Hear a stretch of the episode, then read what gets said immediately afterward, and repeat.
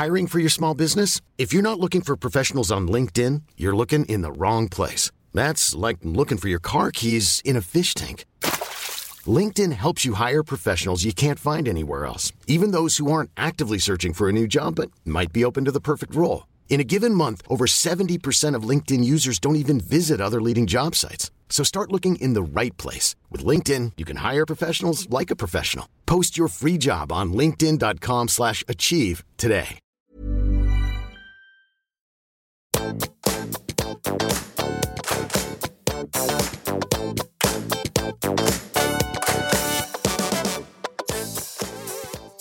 alle sammen, og velkommen tilbake til podkasten Karriereveiledning med Elaine.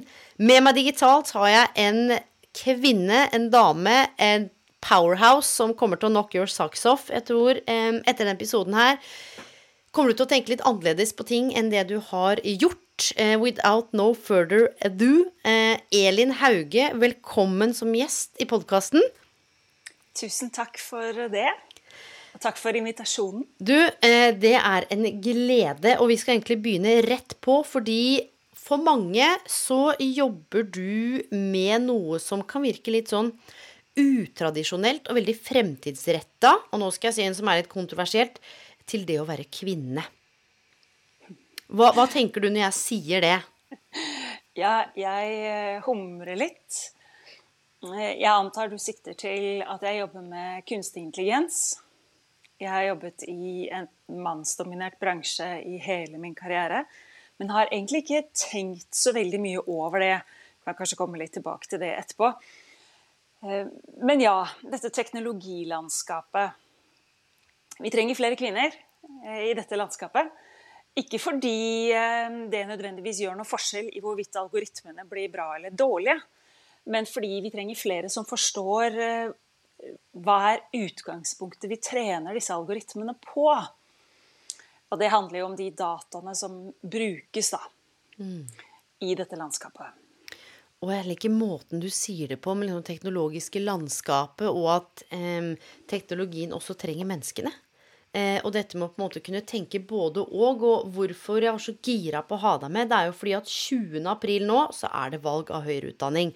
Mange sliter, mange lurer, mange tenker, eh, og er redd for teknologi. Ja, jeg hører det. Og det er jo dumt. Fordi vi er nå en gang i 2022, og vi har ikke noe alternativ enn å forholde oss til det. Man kan jo velge å melde seg ut av det, men da er det jo faktisk det man gjør. Så jeg tror at hvis man har noen som helst ambisjon om å ha en stemme i framtiden, i utviklingen av samfunnet, i bærekraftsutfordringene, så må man forstå både teknologi og helst også litt eh, mer realfag enn man kanskje har tenkt tidligere at man trenger å forstå. Og det, det jeg liker, er jo fordi det skrives jo, og jeg har jo selv bidratt i, i, i tekst, både i aviser og i det ene og det andre. Velg dette, ikke velg dette. Dette er trygge yrker, dette er usikre yrker. Eh, Hva er dine tanker om på en måte arbeidsmarkedet ti år frem i tid, da, hvis vi spoler fram til eh, ja, 2032? Eh, Jeg tror ikke det er så lurt å henge seg opp i yrkesdefinisjoner. Jeg tror vi må tenke på hvilke utfordringer er det samfunnet trenger å løse. Fordi veldig mange yrker slik vi har definert dem fram til nå, vil forsvinne. Eh, Og det kommer nye yrker som vi aldri hadde tenkt på. Altså, Data scientist for 30 år siden var det jo ingen som visste hva det var, for eksempel. Eller robottrener, som man litt humoristisk kaller disse som eh, jobber med utvikling av software-roboter. Og ingen som tenkte på det da jeg skulle velge høyere utdanning.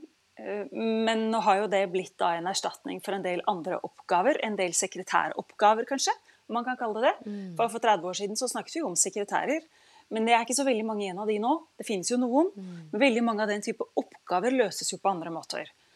Og så vil vi alltid ha utfordringer i samfunnet som må løses, som handler om eh, helse, ta vare på hverandre, få samfunnet til å fungere, infrastrukturen skal fungere, tjenester i markedet skal fungere.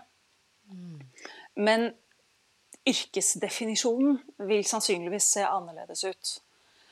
Og der man tidligere har snakket om eh, eh, ja, jeg har så lyst til å jobbe med mennesker, jeg, så da velger jeg bort teknologien. Yes. Altså, Hvis det fortsatt finnes noen rådgivere på videregående skoler ute i markedet som sier det, kan dere være så snill, slutt med det. Nå med en gang. Altså, ikke si det noensinne igjen. Det er feil. Fordi framover så vil alle som jobber med mennesker, også måtte forholde seg til teknologi. Enten fordi teknologien er en del av verktøykassa, eller fordi du må forholde deg til at disse menneskene du skal jobbe med, har et forhold til teknologi som påvirker hvordan de opererer, hvordan de har det, hvordan hverdagen fungerer. Og Hvis du har tenkt å jobbe innenfor bærekraft f.eks., så må du kunne både relativt mye teknologi, og du er nødt til å kunne ganske mye realfag. Hvis ikke du har den bakgrunnen, så har du ikke sjans i havet til å følge med på diskusjonene og til å ha en selvstendig, gjennomtenkt holdning til problemstillingene du må løse. Da blir du bare en apekatt som gjentar det du har blitt fortalt, uten å klare å forholde deg til er dette reelt, eller er det en myte jeg nå bare gjenforteller. Mm. Mm. Og jeg tenker akkurat Og jeg tror det er dette her, da, fordi du nå det er altså bærekraft, det grønne skiftet Det er mye store ord, og det er mye som er i vinden. Og jeg likte, likte det du sa. Mange, jeg tror mange kan kjenne seg igjen i dette med at man gjentar. Det er litt sånn du har hørt på nyhetene at nå, nå skal man slutte med olje. Nå skal man Det derre hva det faktisk innebærer, og hva teknologi kan være, hva bærekraft kan være. Og så er det mange fasetter innenfor det. Og da blir jeg også litt sånn nysgjerrig på Visste du for ti år siden at du skulle eh, holde på med det du gjør i dag? Nei. Nei. Og det visste jeg vel knapt for et par år siden heller. Og jeg visste i hvert fall ikke for et år siden at jeg nå i dag kom til å stå og snakke om de tingene jeg snakker om fra scenen. Nå, denne uken, neste uke, neste måneden, så snakker jeg mye om digitalisering versus bærekraft. Mm. For vi har en Vi har veldig lett for som mennesker å snakke om at digitalisering, det er jo svaret på alle bærekraftsutfordringer. Teknologi løser problemet. Og det er dundrende feil.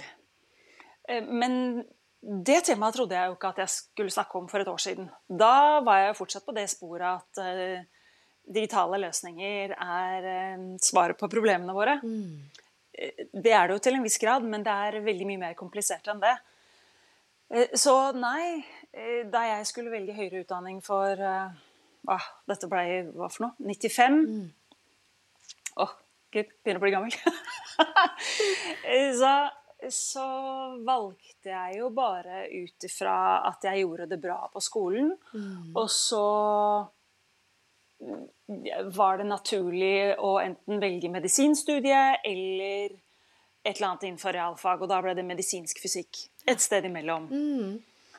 Og så, da jeg var ferdig med sivilingeniørutdannelsen innenfor biofysikk og medisinsk teknologi, som er det riktige navnet, Mm. Så jobbet jeg i konsulentbransjen et par år, for jeg kjente at jeg hadde ikke så veldig lyst til å bli på laboratoriet. Men etter et par år i konsulentbransjen så kjente jeg at jeg trengte mer forretningsfag for å fortsatt kunne være i det markedet, eller for å kunne være relevant da, i det markedet. Mm. Så da tok jeg en master of science innenfor noe som heter operasjonsanalyse, som egentlig er mer matematikk, men rettet mot beslutningsstøtter. Egentlig litt sånn konsulentrettet fagkombinasjon. Så kom jeg da tilbake, dette var i England, så jeg kom tilbake til Norge og begynte å jobbe i forsikringsbransjen, hvor jeg var et omtrent ti år. Hva tenkte gjorde... du de ti årene? For selv om man har vært et sted ti år, så har man jo på en måte hatt ulike oppgaver, ulike kollegaer, ulike ledere, så bransjene har jo også vært i endring. Men tenkte du sånn Dette er en bransje jeg skal være? Eller hvordan på en måte navigerte du i, ti år der, da? Nei, det tenkte jeg i hvert fall ikke. Jeg tenkte hele veien at her skal jeg ikke gro fast. Ja. Det kjente du, liksom? Ja. Ja, og så er det en bransje hvor folk blir veldig lenge. Mm. Det er litt sånn at Har du først begynt å jobbe i forsikring, så blir du i forsikring. Og det er jo nesten litt sånn resirkulering mellom selskapene. Men så ble jeg jo der like fullt i nesten ti år, mm. fordi jeg fikk muligheten til å gjøre veldig mange forskjellige ting. Ja. Og så på et eller annet tidspunkt så ble det naturlig å si at nei, nå holder det. Nå kan jeg finne på noe annet. Men hvordan snak, Snakka du med noen da? når du visste Var det sånn 'nå holder det', og så executa du sånn immediately? Eller var det sånn 'nå er jeg ferdig, men jeg blir et år fordi jeg må finne ut av'? Hvor var du hen da? Nei, men du vet Når man har steget i gradene i et stort konsern, og da satt jeg jo eh,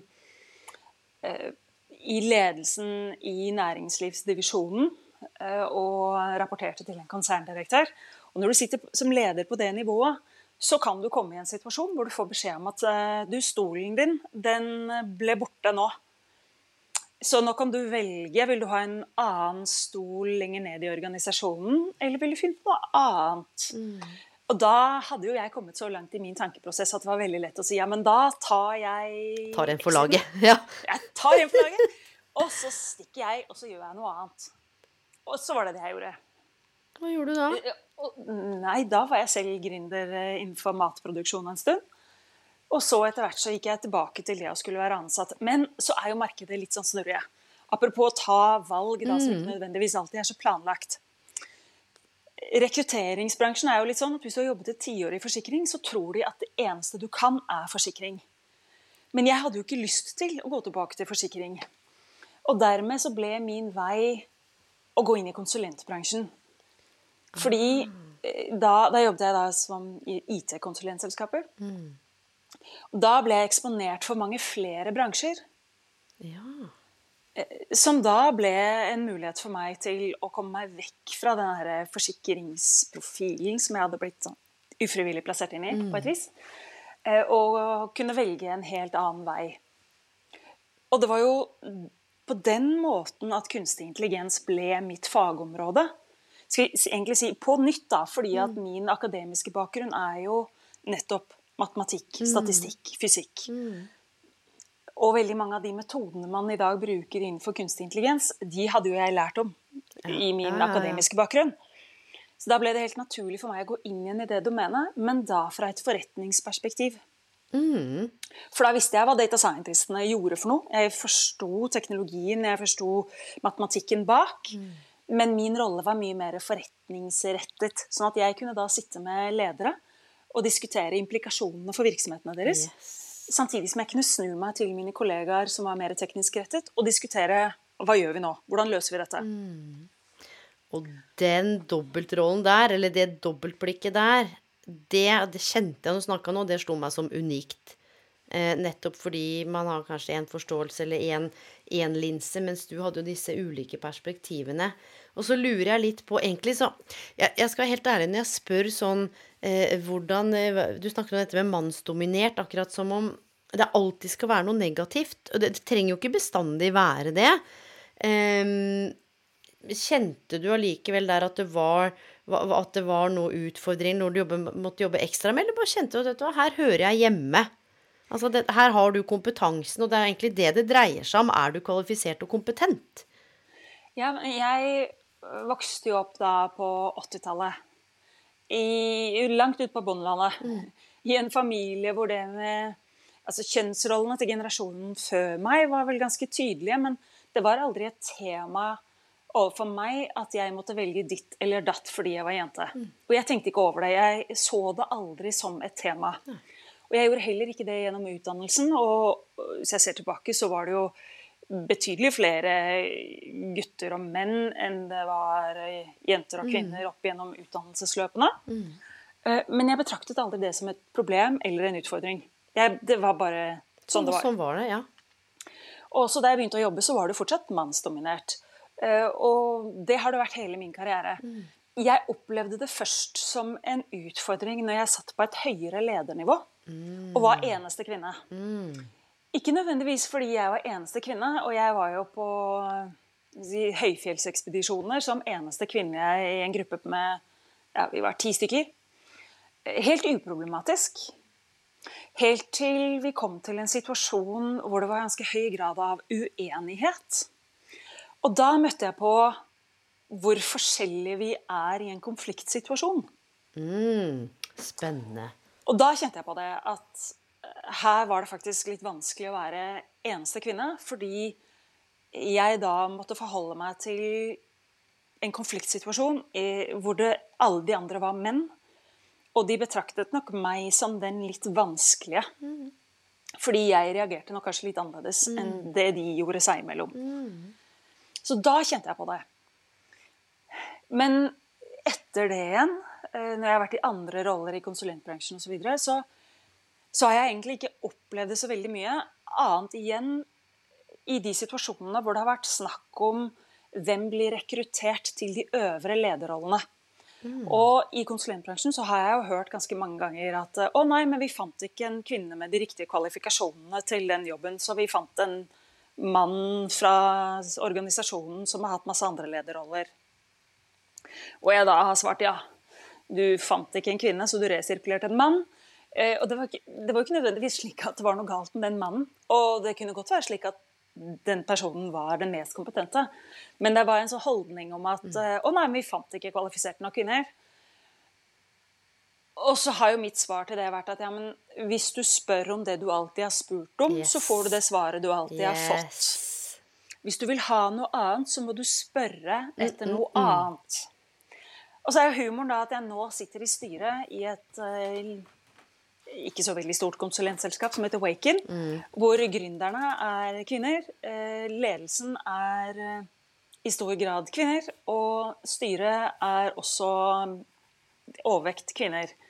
Ikke fordi de har gått inn for at det skal være sånn, men fordi de har endt opp med å finne de mest kvalifiserte kandidatene i den poolen. Det er lov til å smile litt av det.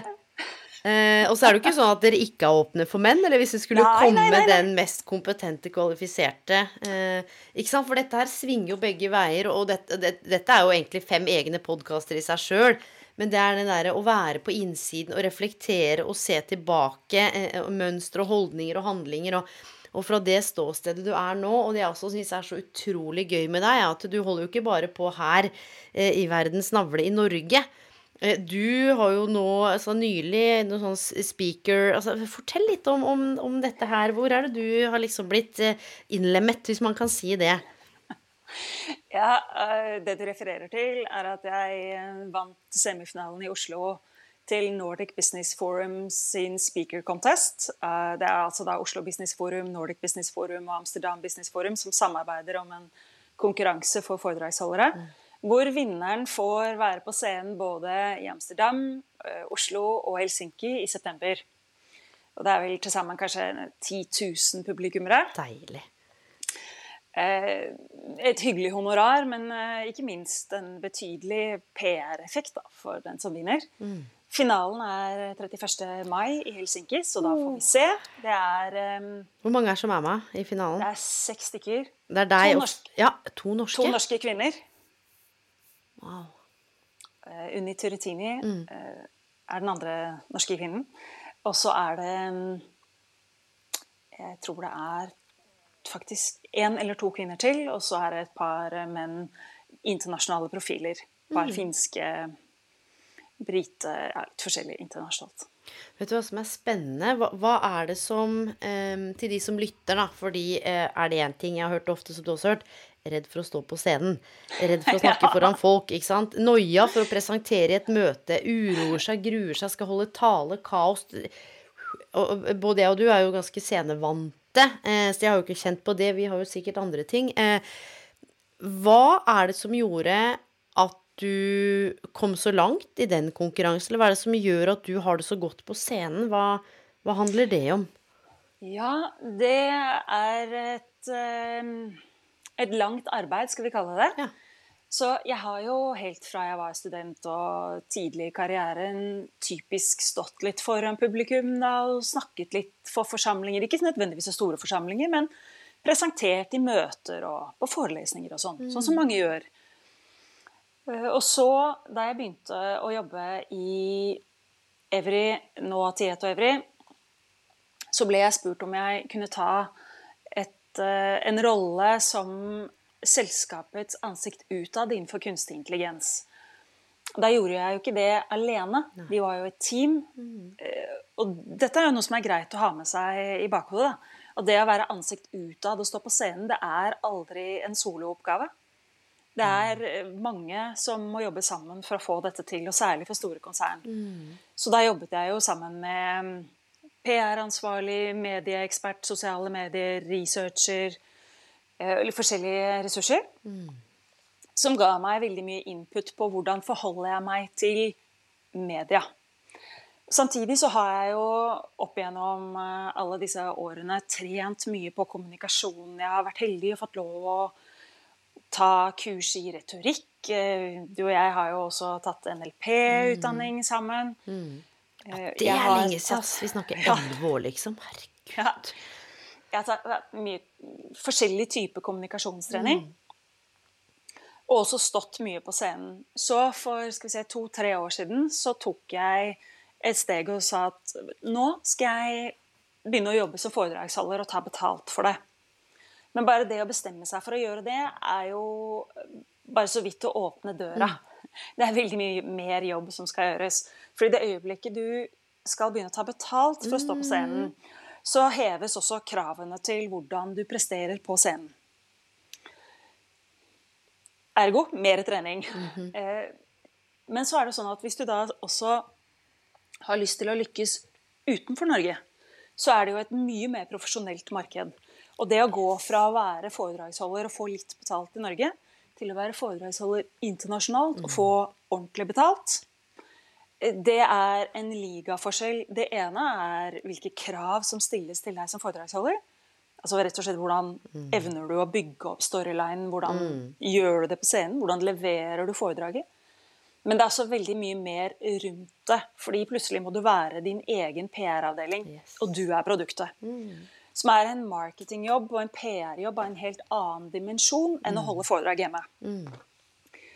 Så det er jo også en omfattende jobb jeg har brukt mye tid på, altså særlig siste året. Og det har jo betalt seg. Jeg har blitt eh, tatt inn i varmen hos London Speaker Bureau, Yes. Chartwell Speakers, Yes. eh, Speakers Associates. Jeg jobber med Athenas i Norge og A-Speakers eh, i Danmark. Eh, og så er det et par til på trappene. Ikke minst knyttet til at jeg nå er i finalen i denne speakerkonferansen. Yes. Så det å komme til den finalen, eh, det har vært mye arbeid. Og det er, et, det er en finale med veldig dyktige foredragsholdere. Altså, vi snakker folk som bokkes internasjonalt eh, og får greit betalt for jobben. Ja, og, og jeg tror det er dette her fordi jeg har så lyst til å få fram også i disse podkastene altså det man ikke ser. Å, hun holder på med AI, det har kommet så lett for henne, hun har gjort sånn, se på, hun har vært i manns... Altså, men det er jo på en måte en annen story bak. Det er jo ikke sånn Ja. at du hopper ut ved å stå og holde et lite innlegg når du studerer, og så plutselig så er du ikke sant, interna- Det er en prosess, og det er et hardt arbeid, og det er det jeg tenker sånn Det er Ja. det jeg vil at folk skal skjønne, og ikke fordi at du skal jobbe deg i hjel hardt. Og jobbe hardt og smart og godt er ikke det samme som å slite deg ut 20 timer, eh, bli utbe... Altså, det er ikke det jeg snakker om. Den derre målsettingen, klarheten, eh, holdningene, innstillingen, altså det som må puttes i potten, da. For at det skal begynne å renne litt gull. For ikke, du, kan ikke bare, du har ikke bare knipsa med fingrene, du, og så bare havna du tilfeldigvis i den finalen. Det Nei. er Altså, man må jo være villig til. Ja, og samtidig så pleier jeg å si at det å stå på scenen er ikke en medfødt egenskap. Det er et sett av egenskaper som er bevisst inntrent over lang tid. Så det betyr at hvem som helst kan gjøre det, hvis du er villig til å ta jobben med å gjøre det. Og jeg jobber jo også litt som speaker coach for andre ledere eller entreprenører f.eks. som ønsker å bli bedre på rett og slett å kommunisere budskapet sitt. Eller på å overtale investorer eller Ja, kunder. ja, ja. Eh, Og det er en veldig metodisk tilnærming. Du må gjøre det her, det her og det her, og så må du gjøre det her, det her og det her, og så må du gjøre det her. Det er ikke tilfeldig. eh, Og det, det ser man jo hvis- hvis man setter seg ned og studerer de som virkelig gjør det bra på scenen. Så er det en del ting som er felles. Mm. Men dette er jo ikke noe vi har funnet på. Nei, nei. Dette mm, visste jo romerne for 2000, 2400 år siden. Er ikke det Og det er det jeg finner så interessant. Eller bare at du sa det der. Og jeg liker jo litt sånn old school. Jeg liker filosofi, jeg liker romerne Det var en sånn slags klokskap der som har forsvunnet i jag og mas og prestasjon og teknologi, hvis jeg kan bare sette på spissen. Men når man liksom skreller bort alt og går tilbake, da, til hva som foregår mellom mennesker, hva som trigger, hva, hva som skjer mellom oss når vi lytter, når vi er Ehm, Tror du at eh, teknologi, sånn som når du snakker om når du står på scenen og snakker, vil jeg kunne bli like beveget av en artificial intelligence-robot som snakker til meg, enn om det hadde vært deg? Altså hva, hva, i forhold til å bli beveget? Per i dag så tror jeg ikke det. Nei. Mm, og det er fordi at vi har ikke kommet langt nok i evnen til å observere og tolke gjennom kunstig intelligens. Yes. Fordi altså, kunstig intelligens er jo egentlig et sett av matematiske oppskrifter som brukes på et datasett for å finne et mønster i det datasettet. Sånn at vi kan forutsi en eller annen framtidig atferd, eller predikere eller forutsi et eller annet framtidig utfall. Og det gjelder jo både bilder, lyd, tale eller enhver annen form for data, strukturert eller ustrukturert. Altså, da mener jeg, Står det i rader og kolonner, eller er det bare en haug? Litt enkelt sagt. Yeah. Men mm, innenfor maskinlæring, eksempel, som dette egentlig kalles, metodeverket kaller vi maskinlæring, det er altså matematikk. Eh, Og så er det maskinene selv som lærer seg hva er det beste svaret, istedenfor at vi gir den spesifikke oppskriften for å komme fram til et svar. Men innenfor dette domenet så klarer man i dag ikke å lære disse algoritmene analogier. Og for å gi deg et eksempel, så kan jeg stå på scenen og snakke om å bygge bro mellom kulturer, f.eks., eller bygge bro mellom forretning og teknologi. Men hvis du gir ordet 'bro' til en algoritme, så vil den oppfatte det som en konstruksjon over en elv. Og det er akkurat det her som fascinerer meg med å skulle fange opp hvis jeg var i ditt publikum, du ser at det skjer noe med meg. Eh, hvis du kan gå oppskrift, så kan du si du, nå, nå skjedde noe med deg, Elaine. Um, jeg så noe i ansiktet ditt når jeg nevnte dette ordet her. Eh, Dette med brobygging. Fortell. Ikke sant? Altså det derre Det er noen nyanser og kontekster. Enn så lenge, da. Eh, Men på et eller annet tidspunkt, for da er vi inne på liksom Ok, når er det eh, det å trene på å bli en speaker blir overflødig? Når er det det å være, jobbe med karriereveiledning og ta et smarte karrierevalg som kan kalkulere ut Ok, gjør du dette, så er ikke sant, Dette er prognosene for at du lykkes i jobben din. Her, går det, her er jobben din ferdig om et år. Altså, hva er det som skjer med de som ikke er glad i realfag? De som ikke er opptatt av teknologi? Ehm, er det sånn at liksom 50 av eh, Nå er- det veldig sånn banalt, men er det sånn at 50% skal få borgerlønn, da, og egentlig ikke ha noe særlig å bidra med i samfunnet? Hva, hvor er vi liksom på vei, da? Ja, den der er vanskelig. Eh, Jeg skal gi deg et par eksempler på eh, et par faktaopplysninger som gjør det enda vanskeligere. Så fint. Så ja, det å trene en sånn relativt avansert eh, AI-modell kan innebære bruk altså omtrent like mye energi som 30 norske familier bruker på et år. Og det er én modell. Et stort selskap, et konsern, vil kanskje altså i digitaliseringens lys kreve flere titalls. Eller kanskje flere hundre. Og skal vi komme opp på det avanserte nivået du nå egentlig refererer til, så snakker vi flere hundre. Eh, Og alle virksomheter vil måtte komme dit. Da får vi en utfordring, og det er rett og slett eh, tilgang på elektrisitet. Så selv om man kan si at ja, vi konverterer fra gode gamle fossile til grønne, så, så kommer vi fort i en situasjon hvor verden bruker mye mer elektrisitet enn det vi har tilgang på. Og det eksemplifiseres jo enda mer nå med at gassrørledningene fra Russland til Europa stenges av, eller blir rett og slett eh, sprengt til himmels. Mm. Elektrisitetsprisene øker. Vi burde egentlig redusere olje- og gassproduksjonen. Men apropos dette du sa om ja, men så enkelt er det ikke. Vi trenger at Norge produserer så mye olje og gass som det vi gjør akkurat nå, for at Europa skal kunne holde varmen til høsten.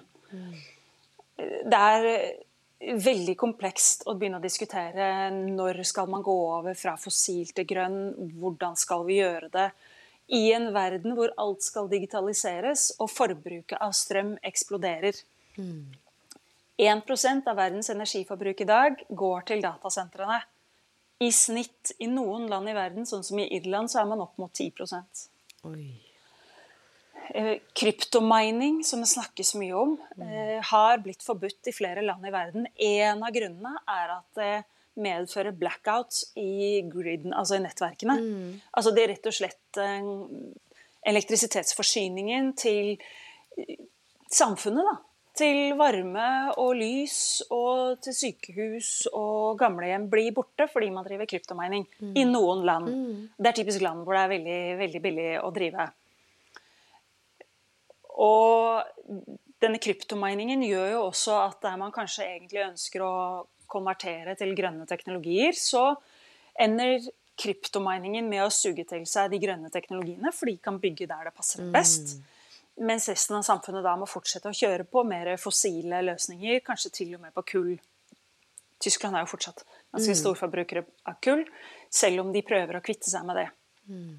Så hele det spørsmålet om digitalisering versus energiforbruk Vi glemmer at de to henger sammen, men det kommer til å bli en kjempeutfordring. Så det er den ene siden. Den andre siden er all hardwaren. Vi sitter og snakker i digitale gadgets nå. I 2021 så produserte verden 58 millioner tonn elektrisk søppel. Det er like mye som, eller mer enn vekten av den kinesiske mur, og halvparten av det var smarttelefoner. Ja, nettopp. Og mye av dette eh, det skippes da til fattige land i Afrika, f.eks. Ghana. Agbagbloshi er verdens største si fylling for eh, Ja, du får holde på mageinnholdet, for det kommer litt mer. Det er verdens største dumpsite. Beklager engelske, Nei, nei. min hverdag er engelsk. For elektrisk avfall. Det jobber omtrent eh, 10 000 mennesker der. Ikke så mange barn, fordi det er svært giftig. Men for å gi et lite bilde, da. Hvis det går en eh, høne rundt på Agbagblashi, og så legger den et egg, og så kommer det et barn, si en tiåring, finner det egget, tar det med hjem, spiser det til middag. Da har det barnet spist 220 ganger dagens maksimumtak av chlorinated dioxins, som det heter på engelsk. Klorinerte dioksiner. Eh, altså maksgrensen for en alvorlig gift den dagen. Akkurat nå så er det 18 millioner barn verden over som er i umiddelbar helserisiko fordi de har som jobb å plukke fra hverandre elektroniske gadgets som er svært giftige. Og det er i en verden hvor vi går og forteller hverandre at når alt bare blir digitalt, så slipper vi alt dette barnearbeidet, og vi slipper all forurensningen. Det er feil. Det er ikke bare feil, det er en løgn. Du, og, og dette her, bare når du snakker nå Nå hadde jeg egentlig ikke lyst til å avbryte, men hvordan alt henger sammen. Eh, ikke sant? Og hvordan eh, kunnskap, utdanning, informasjon, altså korrekt informasjon, er med på å opplyse på en måte som at ikke man bare gjentok det noen så på nyhetene i 1982. Og det er dette her eh, og, og noe som liksom innenfor karriereveiledning, og særlig det jeg er opptatt av, disse narrativene og rammene vi blir enten fora med, fortalt, leser om. Eh, det der med å dytte og bure og se ok, hva er det som er der ute, hva er det som er bak, hva er det jeg ikke skjønner, hva er det jeg ikke forstår. Hvem er det som tjener på at alt digitaliseres? Hvem er det som lider? Hva skjer? Eh, vi snakker jobb og karriere, og nå er vi plutselig inne på sant, andre menneskers liv i et land som kanskje ikke så mange har besøkt, kanskje ikke har tenkt på. Eh, hvor om noen spiser et egg, så går det gærent. Ikke sant? Dette er så sykt. Og det er så viktig, og det er eh, så underkommunisert noen steder. Jeg sier ikke, for det er jo klart, dette kan man jo også få tak i, men dette er jo ikke mainstream hver dag på forsiden av VG. Nei, og det er en kjempeutfordring. fordi Vi snakker veldig mye om digitalisering, om hvordan nye teknologier, særlig kunstig intelligens, IOT og blokkjede, skal redde verden og være en del av øh, ja, nå FNs bærekraftsmål. Eh, Og så snakker vi ikke om den veldig ubehagelige baksiden. Og jeg mener jo oppriktig at disse teknologiene vil ha nytte for oss framover, og de er viktige. Men vi trenger å ha et fornuftig forhold til hvordan bruker vi dem. Når bruker vi dem? Og er det kanskje noen ganger hvor vi skal si at nei, men vi trenger ikke å digitalisere det her. Det her kan vi faktisk la noen mennesker gjøre, eller dette her kan jeg fortsette å gjøre manuelt. Og klesindustrien er jo et annet eksempel på bærekraft eh, versus teknologi versus forbruk. Men dette her er jo, som du nå også påpekte, grunnen til at jeg sier at når man skal velge utdanning nå, så bør man egentlig velge å få med seg litt realfag og litt teknologikompetanse uansett hva man velger. Fordi vi kommer ikke utenom at teknologien spiller en sentral rolle. Og det å, altså bare Hvis du skal snakke om plastikkforurensning i havet, da, så må du faktisk forstå litt om hvordan økologien i havet fungerer. Og du er nødt til å forstå litt om hvordan plast fungerer i havet. Er vi nede på kjemi, f.eks.? Mm. Og så må man forstå litt om hvilke teknologier kan man faktisk på en smart måte bruke for å prøve å løse problemet. Og hvis man ikke har noe som helst forhold til et snev av naturfagskunnskap og et snev av teknologikompetanse, så er man ikke i stand til å være med i de diskusjonene. Men jeg har et argument til, som kanskje er mer et argument for de som burde tenke på etterutdanning eller reutdanning. Yes, yes for det var det neste jeg kom til. Liksom. For det, man tenker sånn Å, valg av høyere utdanning, nå er det bare 19-åringer som skal lure på hva de skal bli resten av livet. Eh, nei, eh, det er jo ikke det. Det fins jo sånne som oss, eh, ja. så, som eh, tar videreutdanning, reutdanning, omskolering. Livet skjer. og fordi vi har stått i en pandemi, og fordi verden er i rask teknologisk eksponentiell vekst, og det er mye som skjer, som kanskje vurderer å gjøre noe med eh, egen kompetanse. Nettopp fordi man kommer til å miste jobb, måtte bytte jobb, flytte, og, og yrkesdefinisjoner og titler endrer seg. Så ja, i forhold til reutdanning og videreutdanning. Please enlighten us. Ja, jeg tror at Framover så må vi regne med at vi på ingen måte er ferdig utdanna etter en mastergrad. Vi har bare begynt, og så må vi oppgradere oss eh, kanskje hvert femte år. Jeg er deltidsstudent nesten hele tiden i et eller annet format. Mm. Formelt eller uformelt. Mm. Jeg må lære meg nye ting hele tiden. Men eh, det jeg skulle fram til rent så formelt, da, så har du nå hvis du ser på kravene til styreverv og til toppledelse, så er det jo veldig mye nye compliance-regler knyttet mm. til ESG. Eh, og det er knyttet til eh, datasikkerhet. Mm. Og det er knyttet til eh, personvern. Og så mm. kommer det også en ny lovgivning fra EU i 2024 sannsynligvis rundt kunstig intelligens. Og alle disse og flere krever egentlig av de som sitter både i styrer og i toppledelse, at de kan teknologi nok til å forstå implikasjonene av disse teknologiene. Mm. Fordi hvis ikke man forstår implikasjonene av disse teknologiene, så blir man ikke i stand til å forvalte det ansvaret man har påtatt seg rent juridisk, som handler om, om compliance, mm. rett og slett. Eh, risikostyring. Eh, som er lovpålagt. Mm.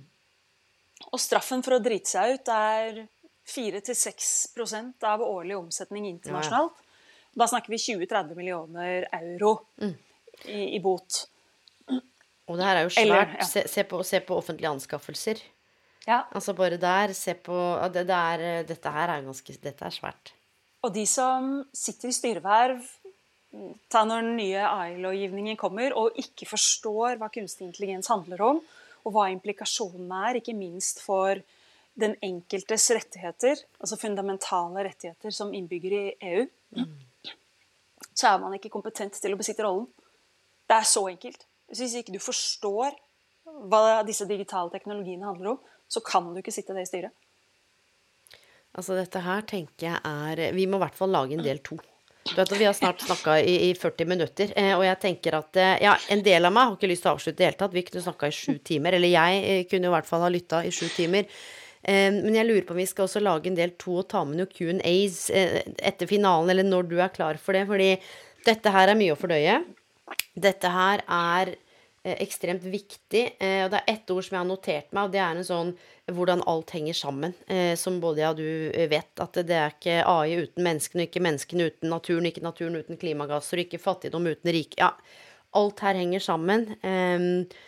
Og hvordan jeg tror selv om man ikke eh, hopper på en sånn doktorgrad innenfor teknologi, så er det fortsatt eh, håp, for vi er jo forskjellige, men at fremtiden eh, Altså, sånn som vi har hatt det de siste ti årene, eh, vil vi ikke nødvendigvis ha det om de neste 40. Det, det, ting er i ferd med å skje, og det gjelder å på en måte koble seg på og tenke både og. Eh, sykepleier og eh, AI. Ja. Ikke ja. bare 'hei, nå skal du få medisin, stell deg'. Det kommer til å komme Things gonna happen. Og at man ja. må interagere med det er det jeg ser for meg at ok, kanskje jeg ikke er helt superrå på akkurat dette, men jeg forstår the basics. Og her skal jeg kaste ut en brannfakkel. Nå håper jeg ikke at noen stopper hele podkasten min, men utdanningsinstitusjonene må jo også vri seg om eh, i forhold til noen fag, tenker jeg. Ja, ja, ja. Eh, nå snakker jeg om høyere utdanningsinstitusjonene i forhold til hvor er vi på vei, og hva kreves da i et globalt perspektiv. Har vi nok teknologi innenfor statsvitenskap? Har vi med AI innenfor sykepleien? Er det både og her, eller skal vi gjøre som vi alltid har gjort? Og hva skjer med konkurransefortrinnet, hvis du skal tenke da fra et sånt individ-samfunnsperspektiv på at Norge eh, som land, at AS-Norge skal være konkurransedyktig i fremtiden i alt det vi har snakket om nå? Mm. Her, eh, Ja. ja. Vi tror jeg må nok forberede oss på en framtid hvor veksten ikke fortsetter i samme hastighet som det vi har opplevd gjennom vår oppvekst. Fordi planeten tåler det ikke. Og nå høres jeg jo ut som jeg skal ta over lederskapet i MDG. Men altså, det er bare å lese seg opp på litt fakta, Ja, ja, og så ser du at dette henger ikke på greip. Vi er faktisk nødt til å bremse hastigheten også på teknologiutviklingen. Og vi må prioritere utviklingen på de områdene som er viktigst for samfunnet. Og da ender vi opp med at det er kanskje noen bransjer som vi må prioritere ned. Ja. Vi må ta oss litt sammen og ikke forbruke, forbruke, forbruke, men kanskje jobbe enda mer med løsninger på gjenbruk. Og jeg tror at skomakere og skreddere kommer til å få en ny renessanse. Fordi vi må slutte å kaste og begynne å gjenbruke i mye større grad. Og vet du hva, jeg lurer på om vi skal la, la den der henge, altså sånn, som en sånn eh, fin avslutning, fordi eh, man tenkte jo nettopp at skomaker og syr, det der er utdøende art, ikke sant. Også som du sier nå, things, eh, det, det, noe er i ferd med å skje. Em, Og til de som lytter nå, da, hvis, hvis det er er liksom setning eller noe du ville på en måte oppsummert dette her med, som de skal ta med seg etter å ha lytta til deg og denne samtalen, hva er det? I Oslo så er det kommet et nytt kontorbygg som heter Rebell på St. Olavs plass. I inngangen på Rebell så står det, riktignok på engelsk, en, en slogan. Rebeller slåss for det de mener er riktig, ikke mot det som er riktig. Oh, Elin, du er akkurat alt det jeg visste og trodde at du skulle komme til å være, og enda mer. Eh, hvor, de som lytter, hvor kan vi finne ut av mer om deg, følge deg? Eh, tell us where you are. LinkedIn Ja, og elinhauge.com. du? Vet Jeg må puste litt etter det her, fordi jeg har hatt sjukt mye spennende samtaler i de siste 15 åra av mitt liv med sykt mye forskjellige mennesker. Men det er noe med deg og en eller annen sånn nerve og en evne til å kommunisere. I metaforer, i måten å bygge opp ting på, i måte å plukke opp tråder, hente, eh, koble sammen. Som gjør at jeg kjenner at jeg har høy puls og er litt svett in the best possible way. Em, du, tusen takk for at du tok deg tid til eh, å være med, og jeg håper vi får til en del to med Q&As, eh, for du var en av de mest ettertrakta gjestene. Så hyggelig. Jeg kommer gjerne tilbake. her. Du, og lykke til med å kick ass i finalen. Eh, og til dere som lytter, nå veit dere hvor dere finner Elin. Jeg tenker sånn Watch out, ass. Eh, jeg skal ikke si fremtidig statsminister, men eh, det, det er noen ting der som jeg tenker er helt vesentlig at, eh, at vi får med oss. Tusen takk, Elin. Eh, og til deg som lytter, god helg, god natt, god kveld hvor enn du er i verden. Og regn med at ikke du får slappe av med det første, for her nå fyrer nevronene, i hvert fall hos meg, så da tipper jeg det gjør det hos deg òg. Ha det godt! Ha det!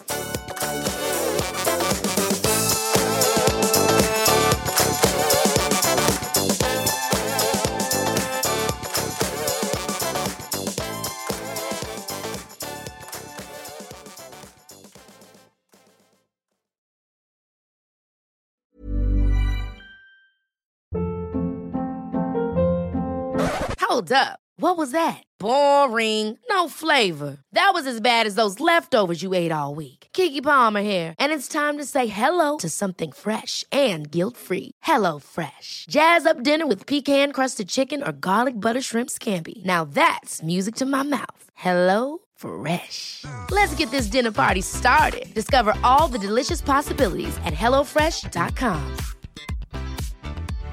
My business used to be weighed down by the complexities of in person payments. Then, Tap to Pay on iPhone and Stripe came along and changed everything. With Tap to Pay on iPhone and Stripe, I streamlined my payment process effortlessly. Now I can accept in person, contactless payments right from my iPhone. No extra hardware required. What's truly remarkable is how I can cater to all of my customers' payment preferences. Whether they're using cards, Apple Pay, or other digital wallets, Tap to Pay on iPhone and Stripe ensure a smooth checkout experience every time. And it's not just me. Stripe helps businesses of all sizes, from local markets to global retailers, scale quickly and stay agile. To learn how Tap to Pay on iPhone and Stripe can help grow your revenue and reach, visit stripe.com/tapiphone.